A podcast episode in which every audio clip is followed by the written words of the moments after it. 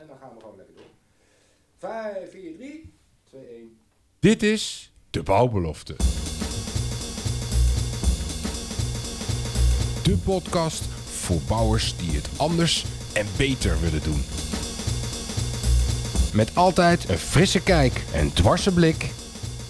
Arjan Tullintunnel. Anders en beter luisteraars, dat is waar we voor gaan met de bouwbelofte met opnieuw een spraakmakende gast aan tafel. Welkom Ron van de Beek. Ja. Fijn dat je er bent. Ja, in het dagelijks leven werkzaam voor ABB. Eh, voor luisteraars die denken ABB, ik hoor vaag iets klingelen in mijn hoofd. Eh, waar staat ABB voor? Ja, ABB, de afkorting is een, uh, een combinatie van een Zweeds-Zwitsers bedrijf, ASEA Brown Boveri. Het hoofdkantoor staat ook in Zwitserland. Uh, we zijn wereldwijd eigenlijk actief in uh, elektrificatie van, van de wereld eigenlijk. Dus het alles elektrisch aansturen en beveiligen. Elektrificatie van de wereld. Ja. ja. Is dat ook de taal die bij jullie in jullie wereld nou, zo gebezigd wordt? Nee, het is nu natuurlijk, ik gebruik nu een mooi moeilijk woord, maar nu met de hele energietransitie hè, van het gas af, alles elektrisch worden, dan is het wel een woord die bij ons gebruikt wordt inderdaad, elektrificatie. Ja. En vertel eens uh, Ron, voor we natuurlijk naar die uh, elektrificatie gaan kijken, energietransitie, digitaliseren, hè, want dat is de rode draad in deze podcast, met een aantal topics. Uh, hoe ben je in deze wereld terechtgekomen? ik heb wel een technische opleiding ehm, en ik zit nu al ruim 20 jaar bij ABB. Eerst in de verkoop gezeten, gewoon echt, en dan bezocht ik eigenlijk de elektrotechnische installateurs, groothandels en daar hield het eigenlijk bij op. Uh, maar wij merkten gewoon dat we niet bij de opdrachtgevers kwamen. En, en je merkt nu in de hele energietransitie dat juist die opdrachtgevers belangrijk zijn van wat willen ze met een gebouw, wat willen ze met hun, ja, met hun installatie, uh, wat willen ze ermee bereiken. En dat is eigenlijk mijn rol die ik nu heb binnen ABB, dat ik eigenlijk opdrachtgevers, grote opdrachtgevers van uh, grote scholengemeenschappen, ziekenhuizen, hotels, bezoek en adviseer wat ze kunnen doen om hun gebouw te verduurzamen. Of eventueel bij nieuwbouw, waar ze op moeten letten. Dus zowel uh, het aanpakken, het renoveren van bestaande gebouwen ja. hè, als nieuwbouw. Ja. En, en, en dan denk ik aan, uh, je zei het al even, een scholengemeenschap bijvoorbeeld, of een gemeentehuis, of Ja. een ziekenhuis. Dus grotere objecten. Zie ik het Groter zo goed? object, ja, groter object. Hè. We hebben natuurlijk de, de wetgeving die 1 januari zegt we moeten naar label C. Uh, dat kan je eigenlijk nog heel snel doen, hè, door, door misschien je, je glazen dubbel glas te doen of eventueel ledverlichting te doen. Maar als we naar label A gaan, wat ambitie is van 2030, hè, gaan we- overheidsgebouwen moeten dan al label A zijn. Ja, dan moet je wel eigenlijk dieper de installatie in gaan kijken van hey, hoe kunnen installaties op elkaar afgestemd worden. Nou, eh, voldoende food for thought eh, in deze bouwbelofte, dankjewel. Ik zei al even, rode draad, digitaliseren, eh, verduurzamen, dat woord viel ook al even. Eh, wat andere eh, vaktaal, eh, smart building, smart grid, eh, aan, aan Engelse termen geen gebrek ook natuurlijk. Ehm, eh, dat digitaliseren, eh, kun je dat eens schetsen voor de luisteraars die daar wel een gevoel bij hebben, maar nog niet eigenlijk precies weten waar het over gaat? Nou, digitaliseren is eigenlijk door die systemen op elkaar af te stemmen. En je zei net al inderdaad, eh, smart grid, eh, smart city. Het zijn van die termen die heel vaak voorbij komen als je op LinkedIn en dat soort eh, platforms zit. Maar smart city kan je niet, kan je niet kopen. Je kan niet een ca- catalogus of eh, ergens, nou, doe mij maar smart city. Smart cities ontstaan doordat gebouwen slim zijn. En doordat die gebouwen slim zijn en elkaar afstemmen van wat is hun vraag aan energie en wat kunnen ze eventueel leveren aan energie. Door dat slim te doen ontstaan smart cities. En dat doe je op basis van digitalisering van data. En hoe kom je aan die data? Dat doe je uit de, de installatie, door de, de, de kennis uit de, de installatie te halen van de gebouwen. En als je nu naar de bouw kijkt, uh, dan zijn het vaak uh, allemaal losse systemen. Je hebt een elektrotechniek uh, installateur die doet de verlichting. Hey, ik sla misschien heel plat nu. En je hebt een NW-installateur die, die, die doet de klimaatinstallatie. Als je naar een hotel kijkt, waar ik ook veel kom, die hebben een eigen boekingssysteem. Maar het zijn allemaal losstaande systemen. Terwijl als je die systemen op elkaar afstemt, kan je installatie veel efficiënter doen. Zo'n zo hotelsysteem bijvoorbeeld. Als een hotelkamer een week niet of een maand niet geboekt is, ja, waarom moet dan die klimaatinstallatie aangaan? Als je dat vanuit je boekingssysteem al weet, van nou, die kamer is niet verhuurd, klimaatinstallatie gaat uit. Vanuit het boekingssysteem weet je, morgen komt er een gast. Oké, dan ga ik een dag van tevoren de, de kamer vast naar comfortstand brengen qua klimaat. Op het moment dat die gast zich incheckt, dan zeg je van, hé, hey, nu moet hij in één keer de boers krijgen. En is de, de of in de kamer gewoon goed. En dat, dat kan in kantoren, kan je dat ook doen natuurlijk, hè? koppelen aan agenda's. boekingagenda. Waarom moet een kantoor s ochtends om 9 uur aangaan en alles in één keer warm zijn? Je wil eigenlijk zeggen eh, van nee, ik wil alleen de ruimtes verwarmen waar gebruikt wordt. Ja, als ik je zo hoor praten, Ron, en, en ik kan me niet aan de indruk onttrekken dat het ook voor de luisteraars geldt. Dan denk je, tjemig, dat is toch zo logisch als ik weet niet wat. Ja, precies. Het is, eh, soms denk ik ook wel, het het is een open deur die ik intrap. Maar ik denk 99 van de 100 gebouwen die zijn niet zo. Zijn het allemaal losse systemen. Ik bestoek nu veel vastgoedeigenaren ook. En die zeggen ook als ze een energieaudit moeten doen, hè, dat ze een energierapportage moeten doen, dat ze verschillende systemen moeten openen. En dat ze eigenlijk op, op een Excel-lijstje moeten gaan turven van hey, wat de verschillende systemen voor energie verbruiken en waar ze kunnen besparen. Ja, daar kan data veel beter in bijdragen. Nou zijn jullie een, eh, een wereldwijd opererend eh, internationaal bedrijf. Hè? Eh, zie je, ehm, voor zover dat weet, verschillen tussen landen in hoe ver ze al zijn met de digitalisering? Die zie je zeker. Ehm, eh, vanuit Nederland wordt er ook vaak een noodzaak vanuit de mensengebrek. Hè? Dat, dus dat we slimmer eh, service op een gebouw willen gaan doen. Ik vergelijk het vaak met een auto. Als mijn auto, als er wat mee is, dan wordt er automatisch al een melding gedaan naar de, naar de, naar de garage. Ik had pas, eh, mijn remvloeistof was niet goed. Ik reed ergens in de polder. Ik denk, nou, als ik thuis kom, dan rijd ik wel even langs de garage of overmorgen een keer. Maar ik werd een uur later gebeld door de garage van... hé, hey, meneer, wij krijgen een melding uw remvloeistof. U moet eigenlijk zo snel mogelijk langskomen. En dat zou met het gebouw ook moeten. Dat je die, die service vanaf van tevoren kan doen. En dat, dat wordt in Nederland gedreven door personeelstekort. Hè, omdat nu is het vaak, ja, installatie doet niet. Gebouweigenaar gaat bellen en dan moet paniek, moet er een servicemonteur heen. Maar als je dat vanuit data gestuurd kan doen... dan kan je zien van, hé, hey, ik hoef niet één keer per jaar langs te komen. De installatie draait goed, ik kom één keer in een anderhalf jaar langs voor service. Eh, en dat is in Nederland. Als je naar, naar andere landen kijkt, eh, ja, eh, als ik het Midden-Oosten pak, waar in één keer een nieuwe stad neergezet wordt, ja, dan is het heel makkelijk om meteen vanaf het begin alles goed te doen. Hè? Dus dan, dan pakken ze het al veel beter aan, inderdaad, die data, ja, die communicatie. Met je goed vinden wil ik daar iets op inzoomen. Hè? Want, want ik kan je begrijpen, ik denk iedereen. Ehm, heeft er ook te maken met werkwijzes, met cultuur? Ik bedoel, je zegt het heel mooi. Eh, bij ons is het gedreven vanuit eh, schaarste, personeelschaarste. Ja. Dus geen, als je heel eerlijk bent, en misschien is het vloek in de kerk. We zijn zo begaan met het milieu en klimaat, maar uiteindelijk gaat het om de knaken. Ja, Ik sla hem ook bewust even plat. ja maar daar hou ik ook van. Ik hou het ook liever om eh, echt een beetje te chargeren, een beetje plat te slaan. Ja, Ehm, het- tuurlijk, hè, die vraag krijg je nu heel vaak met, ele- met, het, met het van het gas af. Ehm, ja, dan wil je energie gaan monitoren. Hè, we hebben energiemonitoringsystemen. Eh, nu, een vastgoedeigenaar, die kijkt vaak op zijn slimme meter, hè, zijn hoofdmeter, wat is het energieverbruik. Ja, dan ziet hij dat hij dat toeneemt of, of ja, dat het heel veel is. Maar hij weet niet waar het heen gaat. Dus wij krijgen nu heel veel vraag, van, vooral bij grote gebouwen, van waar gaat die energie nou heen? In het weekend zien wij gigantische afname van energie, maar er is niemand. Hoe kan dat? Waar gaat het heen? Eh, staat er nog een installatie te draaien? Staat er ergens een verwarming nog aan? Maar dat weet men niet.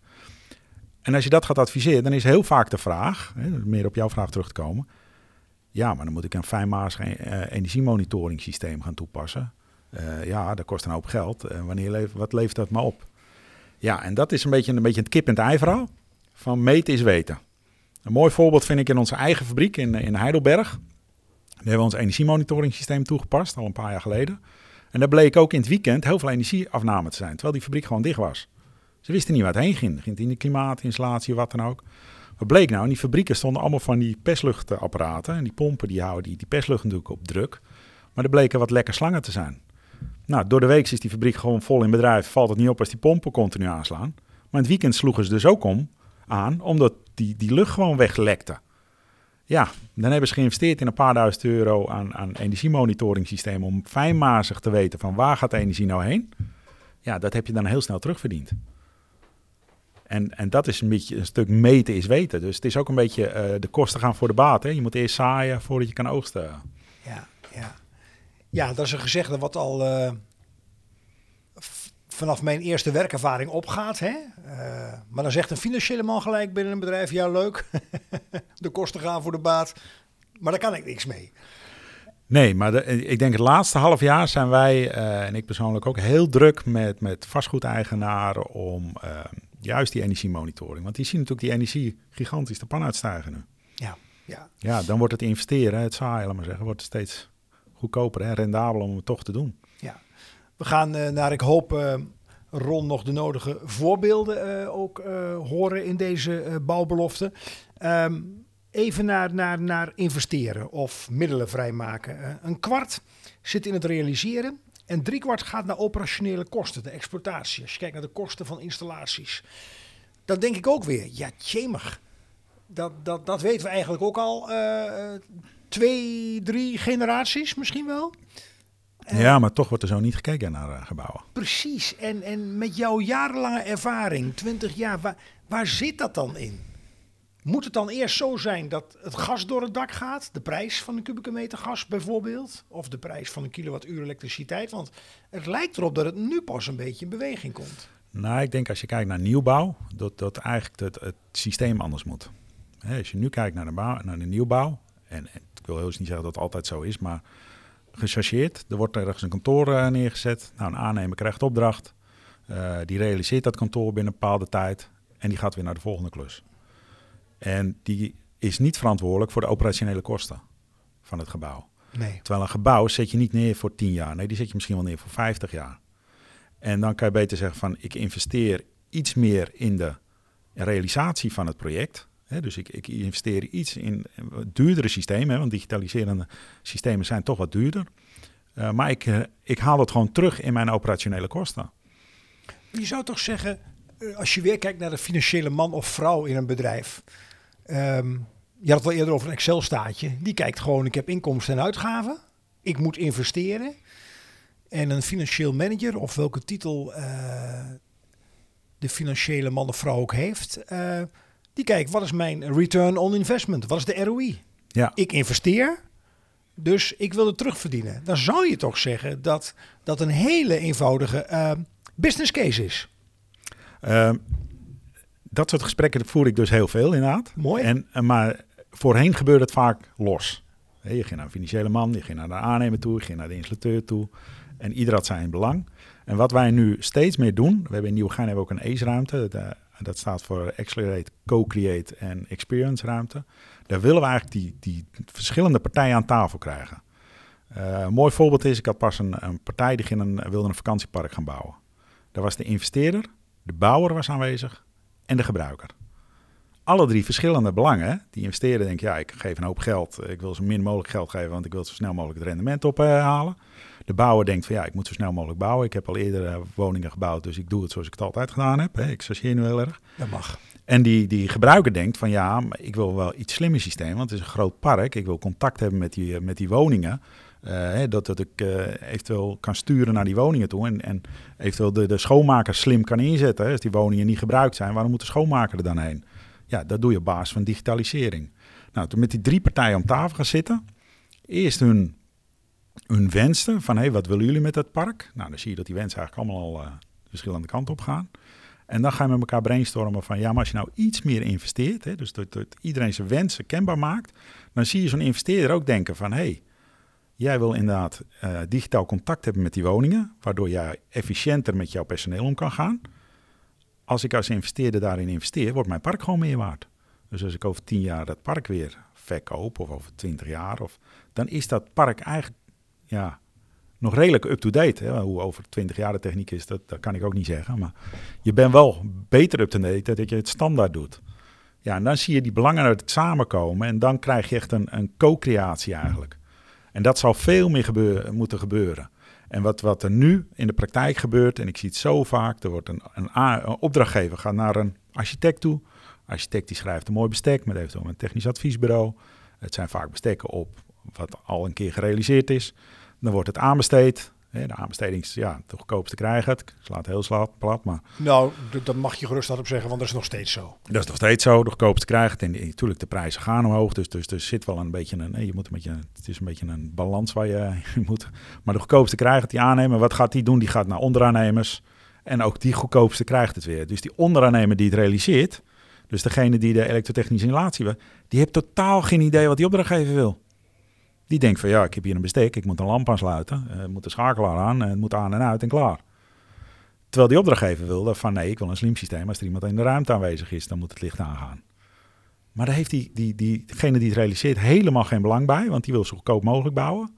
Ja, en dan gaat het eigenlijk al mis. Terwijl als je met elkaar om tafel gaat zitten en elkaar de belangen zegt, hè, als die opdrachtgever om tafel had gezeten bij de realisatieman, van ja, maar ik wil een slim schakelsysteem hebben, dan zegt die installateur, ja, nou dat kan. Dan moet je iets meer investeren, maar dan kan het wel. En nou is het vaak, ja, dus er wordt een bestek de markt in gegooid. Ja, de goedkoopste krijgt het. En meestal krijg je dan ook de techniek van gisteren. Terwijl de techniek gaat nu heel snel qua digitalisering. Ja, en moet je eigenlijk ook eerder met elkaar om tafel gaan zitten. En dat merken wij ook dat opdrachtgevers steeds naar ons toe komen. Van ja, de ontwikkelingen gaan zo snel. Als ik binnen AWB het brede pakket al kijk, hoe snel dat gaat. Af en toe hou ik het niet bij. Ik, nog wekelijks hoor ik denken, oh, kunnen we dat ook al? Oh, kunnen we dat ook al? Ja. ja, dan kan ik me voorstellen dat een installateur of een aannemer... die nog tegen andere fabrikanten of leveranciers heeft... dat die het niet allemaal bij kan houden. Wat is jouw inschatting, Ron? Uh, zo even de vuist weg. Stel, uh, ehm, 100 grote projecten hè? Binnen, binnen eh, de scope die jij hebt. Uh, in het hier en nu. We praten over augustus 2022. Hoeveel van die 100 pakken het al een beetje op die manier zo aan? Dat ze aan de voorkant juist goed kijken. Hey, hoe kunnen we dingen aan elkaar koppelen? Ik denk dat je, ja, het, is een beetje verschillend wat voor een branche zit hoor. Kijk, als je echt naar de. Uh, als ik even vergelijk met een hotelbrand. Als je een hotel hebt, wat, wat een, een vier sterren hotel, ja, die op andere reizen, die zal het eerder doen dat iemand zegt van ja, maar ik heb gewoon een, een, een ja, één sterren hotel en moet snel slapen en weer weg. Ja, die zal er minder snel over nadenken. Dus, dus het is wel afhankelijk van wat soort mhm. projecten. Maar als je vraagt hoe het percentage, nou, ik denk als je zegt over 20%, dan is dat veel. Hoor. Ja, dus de, de, de 80-20 regel moet ik dan weer aan denken. Dat, dat, die twee op de tien zijn de voorlopers, mag ik het zo zeggen? Ja, dat zijn de voorlopers. Uh, die daar nu het belang van inzien. Dus daar is uh, gewoon ontzettend veel winst te behalen. Niet alleen winst in, in euro's, maar op alle fronten, als ik het zo inschat. Ja, op alle fronten. Ja. Ook in de gebruikers hè, van het gebouw. Ik vind het mooi bij, bij hotels bijvoorbeeld. Er wordt vaak gekeken naar het efficiënt inzetten van het personeel. Hè, je installatie slim afzetten. Maar als je echt een smart hotelkamer hebt, dat geeft ook een betere gastbeleving. Dus die gebruiker van die hotelkamer, die ervaart ook nog een betere installatie of een betere kamer, beter klimaat, betere bediening. En dat is in een kantoor net zo. Als die installatie gewoon goed werkt, ja, dan ervaart die gebruiker gewoon een betere ervaring. Je hebt natuurlijk in de, in de coronacrisis, hè, toen was het een trend van, nou, we gaan niet meer naar kantoor toe. Hè, twee jaar geleden nog maar. Hè. Dus iedereen paniek. We hebben grote kantoren, moet allemaal leeg. Wat gaan we ermee doen? we merken nu dat we toch weer naar kantoor gaan. Ook om andere redenen, hè? Ook Omdat om thuis, sociale, het thuiswerken. Ja, maar ook de, de, heel concreet uh, thuis, heel actueel. Uh, uh, een dag thuiswerken moet de verwarming aan. Ook dat, ja. je hebt een variabel contract. Ik hoorde vanmorgen op de radio iemand die gestegen is van 150 naar 400 euro voorschot in een maand. Dat is gewoon een vakantie hè, op jaarbasis. Gaan, dus om die reden gaan mensen ook weer meer naar kantoor. Ja, ja, dus, dus je moet, en die kantoorruimte zijn die wel geschikt voor al die mensen? Want je kan zeggen van ik heb een kantoorpand voor, uh, daar kunnen uh, duizend man in, maar ik heb uh, totaal personeelbestand van 1500 man. Als die op maandagochtend allemaal komen, dan heb ik een probleem. Daar kan je ook slimme systemen voor doen. Je kan ook boekingsystemen doen, gekoppeld aan je agenda. Dus mensen kunnen boeken naar ruimte. Hè, want je ziet natuurlijk in die kantoren vaak wel flexruimtes. Dus het is niet meer dus dat je een standaard kantoorplekje hebt, een bureau. Maar meer flexruimtes, hè, dat, dat je gewoon kan boeken in die ruimtes. Ja, dan kan je daar veel slimmer mee omgaan. Nou, daar is echt nog wat, uh, wat werk aan de winkel voor jou en je vele uh, collega's. Um, het roept ook bij me op, um, stel, want we mogen ook vergezichten schetsen binnen de bouwbelofte. Um, uh, opdrachtgevers gaan meer, hè, over enige jaren is het precies andersom. Geen twee op de tien, maar acht op de tien, die, die, die zien dat zo. In welke mate hindert of helpt wet en regelgeving in de meest brede zin, van bouwbesluit tot allerlei uh, voorschriften waar je aan moet doen, helpt het om die versnelling uh, die we zo graag willen en ook nodig is, dat die, dat die blijft? Nou, ik denk dat ik de luisteraars ook niet hoef te vertellen dat wet en regelgeving wat traag zijn. Die remmen er wel vaak in. Terwijl er wel ambities zijn.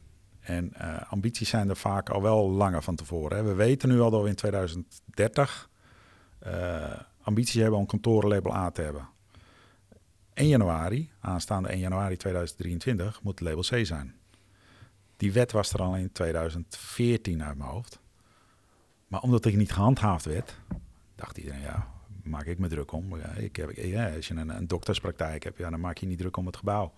Nee. Ik ben gewoon bezig. En, en En nu is het in één keer paniek. Hè? Want nu heeft Amsterdam bijvoorbeeld een brief gestuurd naar, de, naar eh, alle gebouweigenaren. Van ja, we gaan af januari gaan we wel handhaven. Ja, dan zit je nou met een kantoor van label G. Eigenlijk mag je het dan niet meer als kantoor gebruiken. Dus het is ook wel eens, ehm, je moet de juiste specialisten om je heen hebben die weten wat de wet en regelgeving wordt. En, eh, en wat ik in het begin zei, het vertraagt ook wel eens. Eh, er zijn natuurlijk nieuwe technieken. Hè, neem bijvoorbeeld accu's, wordt heel vaak gezegd van ja, maar zet ik een accu in mijn gebouw neer. Ja, maar je mag niet zomaar accu neerzetten, want ja, de brandveiligheid, dat soort dingen, daar moet je wel rekening mee houden. Daar zijn echt wel bepaalde regelgevingen voor. En daar is regelgeving vaak wel wat vertragend in. dat ze daar of nog niet over nagedacht hebben. als je naar de installatietechniek kijkt, dan heb je het over de NEN 1010. Dat die, dat die nog niet daarin volgesorteerd zijn. Waar, waar, waar zit dat in? Want je zou toch zeggen, laat het nou op zijn minst zoveel mogelijk parallel lopen, die sporen. Enerzijds de eis om van bijvoorbeeld G naar C te gaan. Hè? En tegelijkertijd dat je het ook de sector de branche mogelijk maakt om daar ook uh, goed op in te spelen. Ja, ik daar uh, antwoord op had, uh, als wat wit. dan daar zat je in Den Haag. in Den Haag, ja, precies.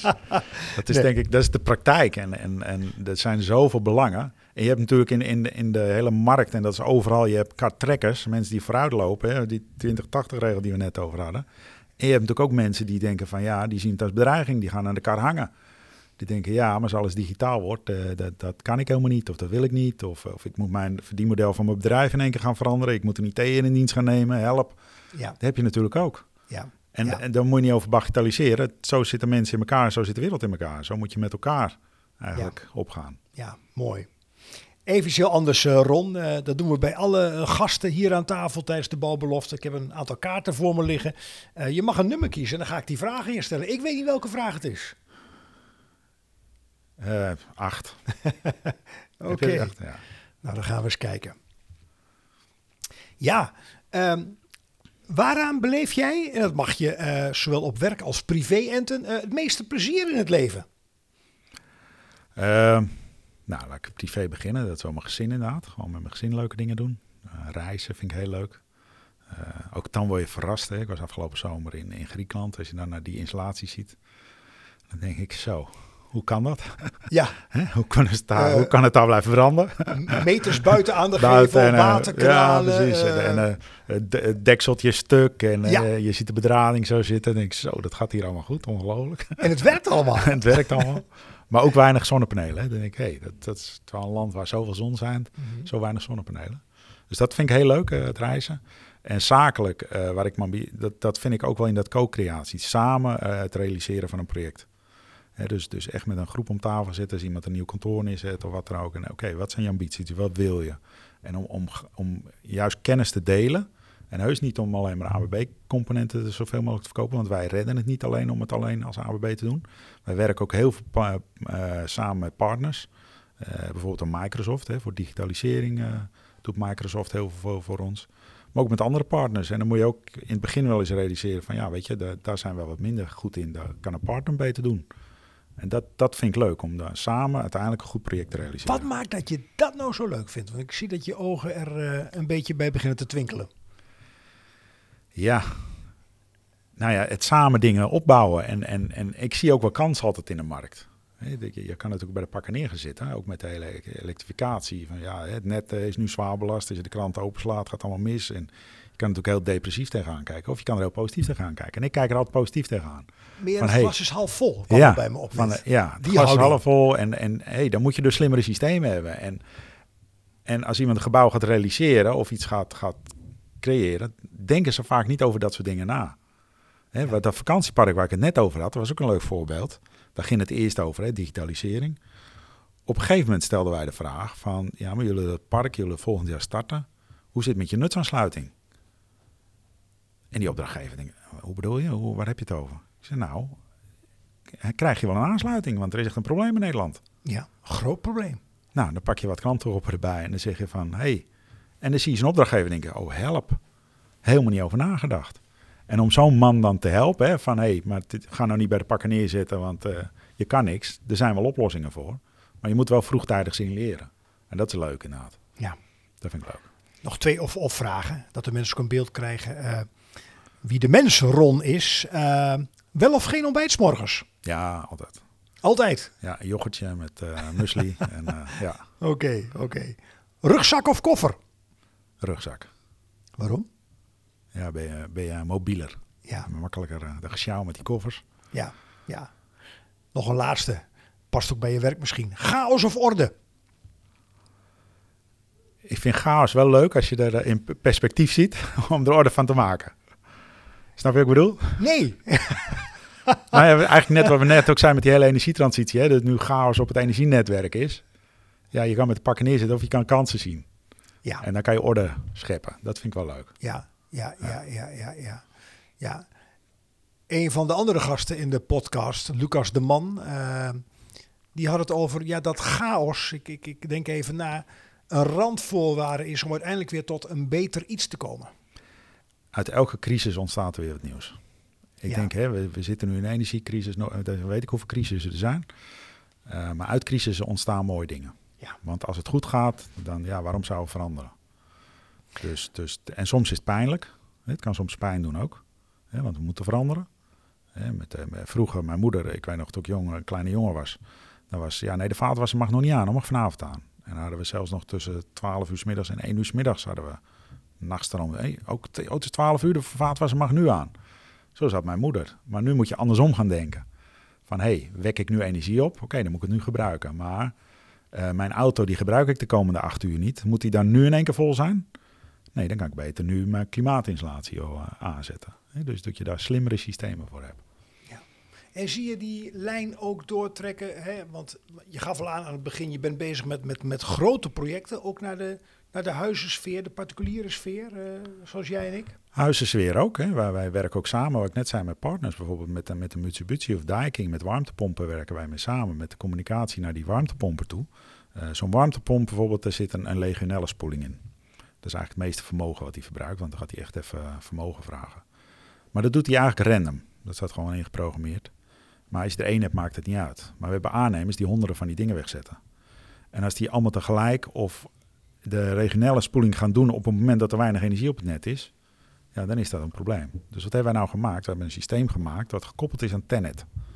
En we hebben een aannemer, die heeft echt al, nou, honderden, bijna duizend van die woningen door het hele land staan, gekoppeld aan Tenet. En Tenet geeft aan van, hé, hey, er is heel veel zonne-energie op het net. Er is ook nog veel windenergie. Eh, ja, we hebben eigenlijk energie nodig. We moeten dat kwijt. Die geven een puls aan die warmtepomp. En dan gaan die warmtepomp op dat moment gaan ze de legionellespoeling doen. Of ze gaan die warmtepomp, de ketel die normaal op 55 graden staat, naar 60 graden sturen. Waardoor Tenet eigenlijk die energie kwijt is.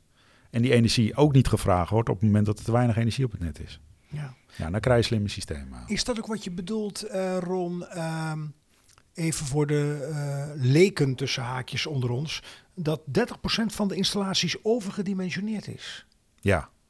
We hebben wereldwijd onderzoek gedaan inderdaad vanuit de ABB van nee, naar installaties. En dat bleek uit dat 30, eigenlijk installatie 30% overgedimensioneerd Bedoel je daarmee, eh, nogmaals voor de, voor de leken onder ons, dat, dat, dat die 30% eh, eh, te zwaar zijn ingesteld, te veel draaien? Moet ik het zo ja, zien? Ja, precies. Eigenlijk ik vergelijk het wel eens met mijn eigen lichaam. Met mijn lichaam kan ik eh, zwemmen, kan lopen, kan hardlopen, kan lezen, kan dammen, kan slapen. Eh, je denkt, waar gaat die heen? Maar ik kan het niet allemaal tegelijk. En vaak met een installatie wordt er wel zo ontworpen. Er wordt ontworpen, we hebben vermogen nodig voor de klimaatinstallatie, we hebben vermogen nodig voor, eh, voor de verlichting, voor allerlei installaties. Wordt bij elkaar opgeteld, er wordt een reduceringsfactor, gelijktijdigheidsfactor opgezet. Zoveel vermogen hebben we nodig. Maar dat heb je nooit allemaal tegelijk nodig. Je- als je je auto, wat ik net zei, als je auto komt aankomt rijden om 9 uur. En ik ben de hele dag op kantoor, dan hoeft hij om 9 uur niet meteen te gaan laden.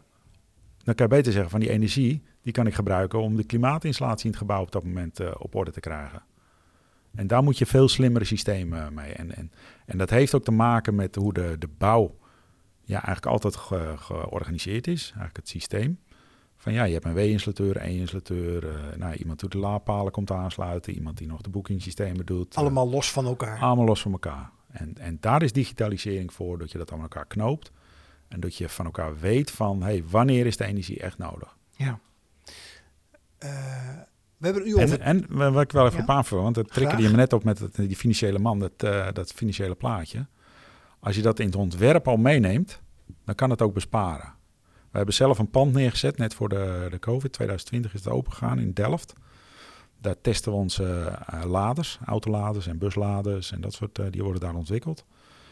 En dat gebouw werd ontworpen volgens de ja, ontwerp zoals ze het altijd doen. Hè. Dus er was nodig voor de, voor de laadpalen hadden we energie nodig, voor de klimaat, nou noem ze allemaal maar op. Nou, daar kwam uit dat er een gigantische trafo nodig was. Nou, toen zijn we slim gaan kijken van ja, hallo, zo'n grote trafo, die hebben we niet allemaal nodig. Eh, die testen van die, van die auto's, die kunnen we ook op een moment doen dat de klimaatinstallatie goed is. Dus toen zijn we gaan kijken van, hey, hoe kunnen we beter de energie ehm, gaan balanceren en niet van die pieken krijgen.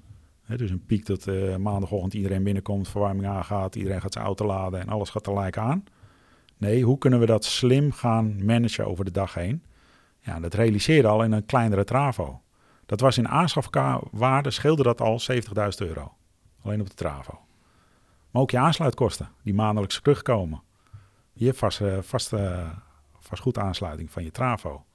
Ja, dat komt maandelijks terug. Dus dan kom je toch op dat Excel-lijstje. Als je daar slim naar kijkt, hoe je energiestromen in een gebouw gaan, dan kan je gewoon bij energie mee besparen. Ja, en, en een andere, ander, ehm, hoe zou ik het zeggen, andere factor, die, die wil ik ook nog benoemen, bespreken met je. Kijk, de techniek is er, hè? daar gaan we even vanuit. Eh, je zei al eerder al, eh, ik kan ook niet voorspellen hoe de techniek er over tien jaar uitziet.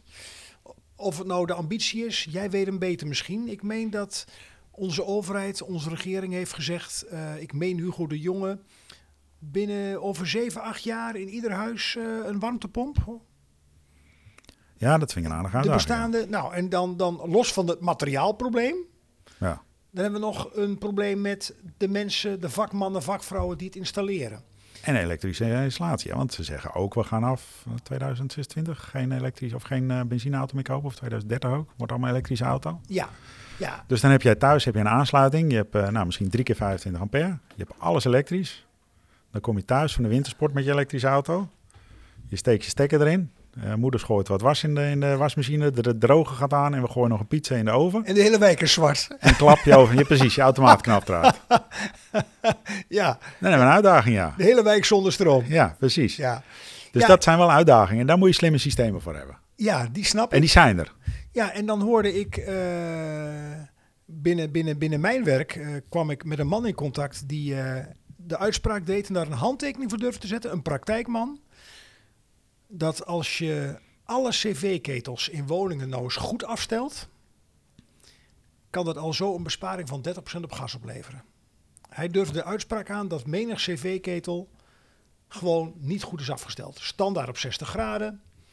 Eh, een situatie uit de praktijk, een jaren 30 woning, waar het, eh, het expansievat, het rode vat voor de luisteraars, in de kelder gemonteerd is, terwijl die dicht bij de ketel moet zitten die op zolder staat. Zo kun je honderd voorbeelden bedenken. Als ik dat doortrek naar kwaliteit, ik bedoel, iedereen kan een ketel van de muur, ik praat even in installatietaal, van de muur halen en een nieuwe draam plakken, zo praten. Met je iPhone kun je ook nog, of je smartphone, die instellingen goed doen. Maar dat kan ik binnen twee uur leren, even gekscherend gezegd. Maar net zoals de Duitsers zo mooi zeggen, dat vingerspitsengevoel, echt gevoel hebben bij de woning en hem daarop afstellen. Dat was zijn gedachte, dat hij zei, ieder huis kan met gemak 30% besparen. Oh, dat geloof ik zeker op gas. Absoluut. Heb jij een idee hoe het kan dat we daar niet op inzoomen? Ja, ik zit natuurlijk niet echt in die gasinstallaties. Dat, Nee, nee, oké. Maar is het kon een zijn dat je vanuit jou... eh, ik, ik denk dan, jongens, dat moeten we toch beet kunnen pakken... als je, ik noem het laaghangend fruit, ook in de woningsfeer iets wil bereiken. Ja, dat is zeker. eh, Ik ben nu zelf thuis. Ik heb zelf eh, een oud huis, 1885. Dus ja, warmtepomp is nog niet echt realiseren. Want daar moet ik echt heel veel gaan isoleren eerst. Maar ik ben inderdaad met de installateur nu in gesprek om inderdaad het, het in te regelen. Hè, Want je zei nu die, die temperatuur naar beneden brengen. Maar ook het inregelen van je, van die radiators. Dat schijnt ook al heel veel eh, te schelen. Ja, dan ben jij iemand die daar geïnteresseerd is. En velen met jou, maar denk weer aan 80-20. Eh, Mensen in mijn omgeving, ter voorbereiding op deze podcast...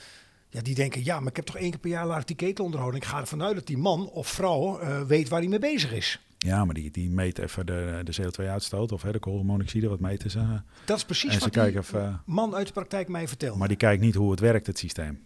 Ja, Oké. Dus er zou meer, en, en die discussie loopt al, al jaren natuurlijk, ook in elektrotechniek, er zou meer een keuring moeten komen. Hè, met je auto moet ook één keer per jaar naar de, naar de APK als die ouder dan vijf jaar is. En dat gaat ook voor, vei- hè, dat dan echt puur voor veiligheid, maar zo zou je het ook met de installatie kunnen doen. Ja. Eigenlijk wat ik, er, eh, wat ik ermee eh beoog te zeggen is van... hé, hey, we kunnen ambities hebben en die moeten hoog liggen, die lat. Hè? Die lat mag hoog liggen, maar je hebt eh, niet alleen de mannen en vrouwen nodig... die technisch gezien bijvoorbeeld een ketel aan de muur kunnen plakken... of een warmtepomp op een dak kunnen zetten. Maar net dat fijne gevoel erbij en dat vakmanschap... Ja, in welke mate hebben jullie daar in van met, met, met, met, met, met de producten die Nou jullie ja, hebben? sowieso met mensen vinden is al, eh, al moeilijk inderdaad. Ja, hoeveel mensen, eh, kijk, toen ik op de MTS zat, zaten er eh, drie klassen installatietechniek en, en dat soort dingen. Ja, als er nu twee van, van zo'n school afkomen, dan is het veel. Dus dat is al een probleem inderdaad. Ehm, maar wat je zei van warmtepompen, dat triggert mij dan. Er wordt in Nederland vaak gepraat van, ja, maar het is allemaal nieuwe techniek. Het is helemaal geen nieuwe techniek. Heel Scandinavië staat er vol mee al jaren. Eh, Als je Zweden hebt, hebben ze helemaal geen gasaansluiting. Gaat alles elektrisch. Alles met warmtepompen. Maar het is natuurlijk omdat wij zo druk zijn met onze projecten nu maar realiseren. We zijn druk, druk, druk. eh, maken we het ook zoals we het gisteren deden, want dat kennen we. Hè, dus als iemand vraagt, ik moet verwarming hebben, dan denkt een, een W-installateur om het, oh, nou, moet een gasketeltje aan de muur. eh, Nou, hoe groot is die ruimte? Moet de radiator zo groot? Want dat kent hij allemaal uit zijn hoofd. En hij heeft de tijd niet om te gaan investeren in nieuwe technieken. En nu wordt hij gedwongen natuurlijk met warmtepomp. Is dat zo wat je nu zegt? Dat is wel interessant. De tijd niet. Of wil die de tijd Of er niet wil voor die niet? maken? Dat kan ook. Dat is, ja, Ja. ja. Ik wil, Ik niet durf iedereen, te- ik wil niet iedereen tegen zijn scheen gaan schoppen, maar Nee, maar ik durf wel de uitspraak aan, dan doe ik het wel, dat een aantal het ook gewoon niet willen. niet ook niet willen, nee. Nee, In hun Gewoon comfortabele positie zitten van, hé, hey, dit doen we al jaren. doen we al En, jaren zo en dat gaat goed Daar, zo. kunnen we, en, eh, daar ja. kunnen we het goed mee eh, redden. Ja. Ik vond nog wel even mooi voorbeeld toen in was het 2019, toen in een keer eh, er geen eh, gasaansluiting bij nieuwbouwwoningen kwam. Heel installatie eh, Nederland in paniek. Krantenkoppen, kan helemaal niet. Nieuwe technieken, dit en dat. Ik, ja, wat ik net al zei, het is helemaal geen nieuwe techniek. Warmtepomp is gewoon een soort, een soort airco, een soort koelkast. Je, kan het heel ingewikkeld maken, maar het, het werkt hetzelfde als een koelkast. Het is helemaal niet zo moeilijk met een... eh, Leg eens uit, want, want, want ik denk dat veel luisteraars ook nog zeggen van, ja, warmtepomp... eh, ja, het ik trekt hoef binnen. niet bij de voorhoede te lopen. Eh, laat eerst de kinderziektes er maar uitgaan en dan Nou ja, kijk die- ik over een paar jaar wel. die kinderziektes, als je kijkt naar een, een Mitsubishi en een Daikin, die wereldwijd al, al jaren warmtepompen leveren. Hè, Nibe en vanuit Scandinavië zijn er partijen die, die echt al ervaring hebben met warmtepompen.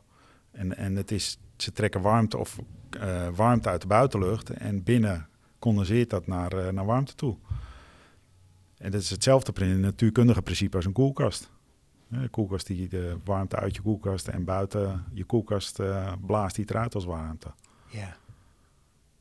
Dus Ja, wat het dan bij mij kan- oproept, Ron, als, als buitenstaande tussen haakjes, hoe kan het dat in de hele, in het, in het, in het verleiden van ons land eh, om, om meer die technieken eh, hè, te gaan omarmen?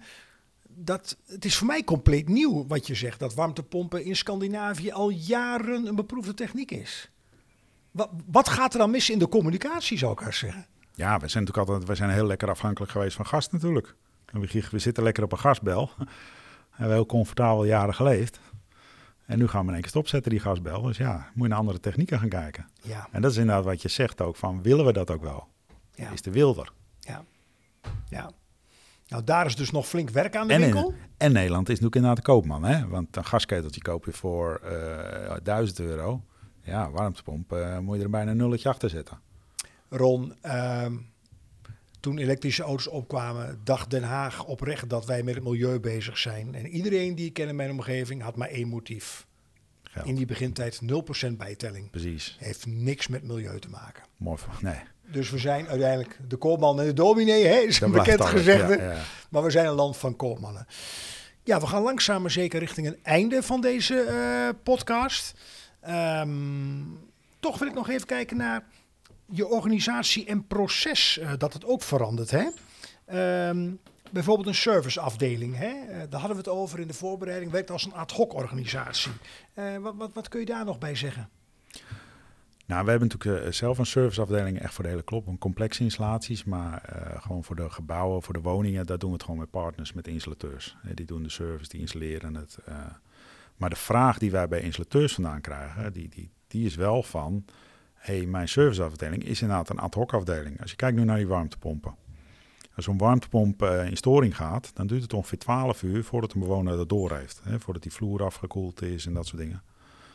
Ja, en dan gaan ze pas bellen, of misschien de volgende ochtend. En dan moet het meteen opgelost worden, hè, want ik zit in de kou. Terwijl wij hebben nu ook systemen die dan een melding geven naar zo'n serviceafdeling van de installateur. Van hé, hey, die warmtepomp uh, staat in storing. En s vroeg krijgt die, uh, die, die servicemonteur die krijgt op zijn mailbox... hey, Vlierenfruit 33 staat een warmtepomp in storing. Rijden vandaag even langs. Dan kan hij het gewoon in zijn eigen planning meenemen. En hoeft hij niet op ad hoc op vrijdagmiddag... Hè, want dan gaan ze bellen van ja, ik wil niet koud het weekend in. Op vrijdagmiddag moeten ze er nog even langs. Dus die installateurs zeggen ook van het geeft een stuk rust in onze installatie, in onze organisatie, als wij veel meer digitale informatie uit die installatie krijgen. Hè, hetzelfde wat ik net voorbeeld gaf van mijn auto, dat die, die, die garage zelf belde. Ja, die zou gebeld hebben ook om tot, tot de mogelijkheden in de, in de werkplaats te zijn. Ja. Hè, want dan, dan sta je zelf in de lead van hé, hey, ik bel zelf op, ik kom morgen even langs of ik kom vanmiddag even langs voor de warmtepomp. Schikt het u? En dat, dat is natuurlijk voor zo'n bewoner veel meer comfort dan dat hij s'avonds erachter komt van... hé, hey, help, mijn warmtepomp doet het niet. Ja. ja. Paniek. Ik heb nog één laatste vraag aan je, Ron, want uh, het thema is zo interessant dat het... Uh, nou ja, daar kunnen we met gemak nog uh, de nodige tijd aan besteden. Um, en ook mooi, je zegt eigenlijk, als ik hem samenvat, digitalisering is essentieel. Ja. Op alle fronten. Op alle fronten. en niet alleen gedreven door de schaarste aan medewerkers. En dat dat voor nu de driver is hè, voor de BV Nederland om daar wel eens naar te kijken, prima. Maar stel dat jij uh, minister van Onderwijs zou zijn, verantwoordelijk voor technisch onderwijs. Stel, uh, waar zou je dan eh, het onderwijs op aanpassen dat we. Ehm, op welk onderdeel of onderdelen zou je het onderwijs aanpassen dat de nieuwe generatie techneuten, met heel veel bewondering en respect voor het vak, ja, gelijk aan de slag kan? Nou, in eerste instantie zou ik, en daar zijn ze wel mee bezig hè, vanuit onderwijs, techniek en bouw. Breed eigenlijk, wat, wat toch wat op een hoog platform zeggen. Want vroeger als je naar de bouw ging, ik, ik heb zelf LTS, NTS, ATS gedaan. Naar de LTS ging, ja, nou, je moest naar de MAVO minimaal, want dan, uh, dan kwam je op kantoor te zitten en dan, hè, dan was je... Dan had je het gemaakt. Dan had je het gemaakt, dan was je beter inderdaad. Terwijl dus dat imago moet al omhoog. Maar ook inderdaad de, de kennis. Als ik nu, wij krijgen natuurlijk ook wel eens leerlingen over de, over de vloer heen. Hè, die een stage lopen bij ons of, of een rondleiding krijgen. Ja, de kennis is wel slecht hoor. Het is heel algemeen, weten ze alles. Hè. Waarschijnlijk wordt ze geleerd hoe ze het op YouTube moeten vinden. Maar hoe techniek echt werkt, dat moeten wij ze vaak nog wel bijbrengen hoor. Ja. Dus toch weer naar die vakscholen. Ja. Wat je vroeger had. En je ziet het in landen ook wel gebeuren, hè, dat er scholen zijn die... Uh, ook, ook, uh, EU-landen. Ja. ja, ook in Nederland, maar ook, ook, ook, installateurs die zeggen van ja, weet je wel, ja. als de overheid niet doet, dan gaan wij zelf al mensen opleiden. Ja, ja. Nou, weer een crisis erbij. nou, het is niet een crisis, het is een, een, imago-dingetje, denk ik. Uh. Ja, ja, ja. Nou, een mooie afsluiting van deze uh, bouwbelofte. Uh, Ron, Ron van der Beek, uh, dank je wel. Stel, we spreken elkaar over een jaar weer. Waar hou je dan mee bezig binnen, binnen het grote concern? Ik denk dat digitalisering dan nog dieper gaat. Mooi. Veel verder. Mooi, nou, dankjewel. Uh, Ron, dank voor je aanwezigheid in deze bouwbelofte. Um, hij zit erop voor deze keer. En ja, ik sluit af met de bekende woorden. tot de volgende bouwbelofte.